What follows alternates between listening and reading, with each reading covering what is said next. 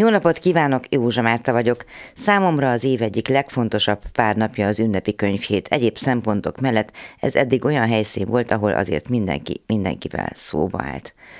Olvasók és írók hagyományosan azért nem szokták korba verni egymást, bár erre is volt példa, igaz nem a könyvhéten.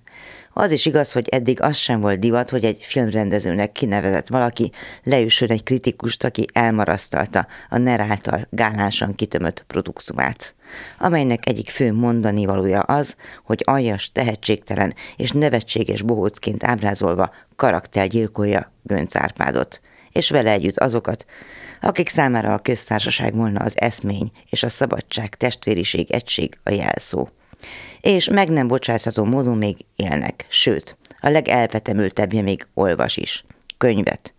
Mindez idáig a hazai könyvkiadás a nehézségek ellenére üdítő példája volt a piacgazdaság sokat dicsért és még többet ekézett működésének.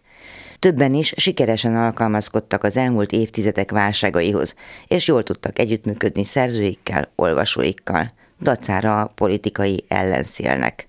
Ezek az üzletek ugyanis nem a nerben köttettek eddig. Úgyhogy egy percig sem csodálom, hogy a hatalom szemet vetett a könyvpiac egyik zászlós hajójára.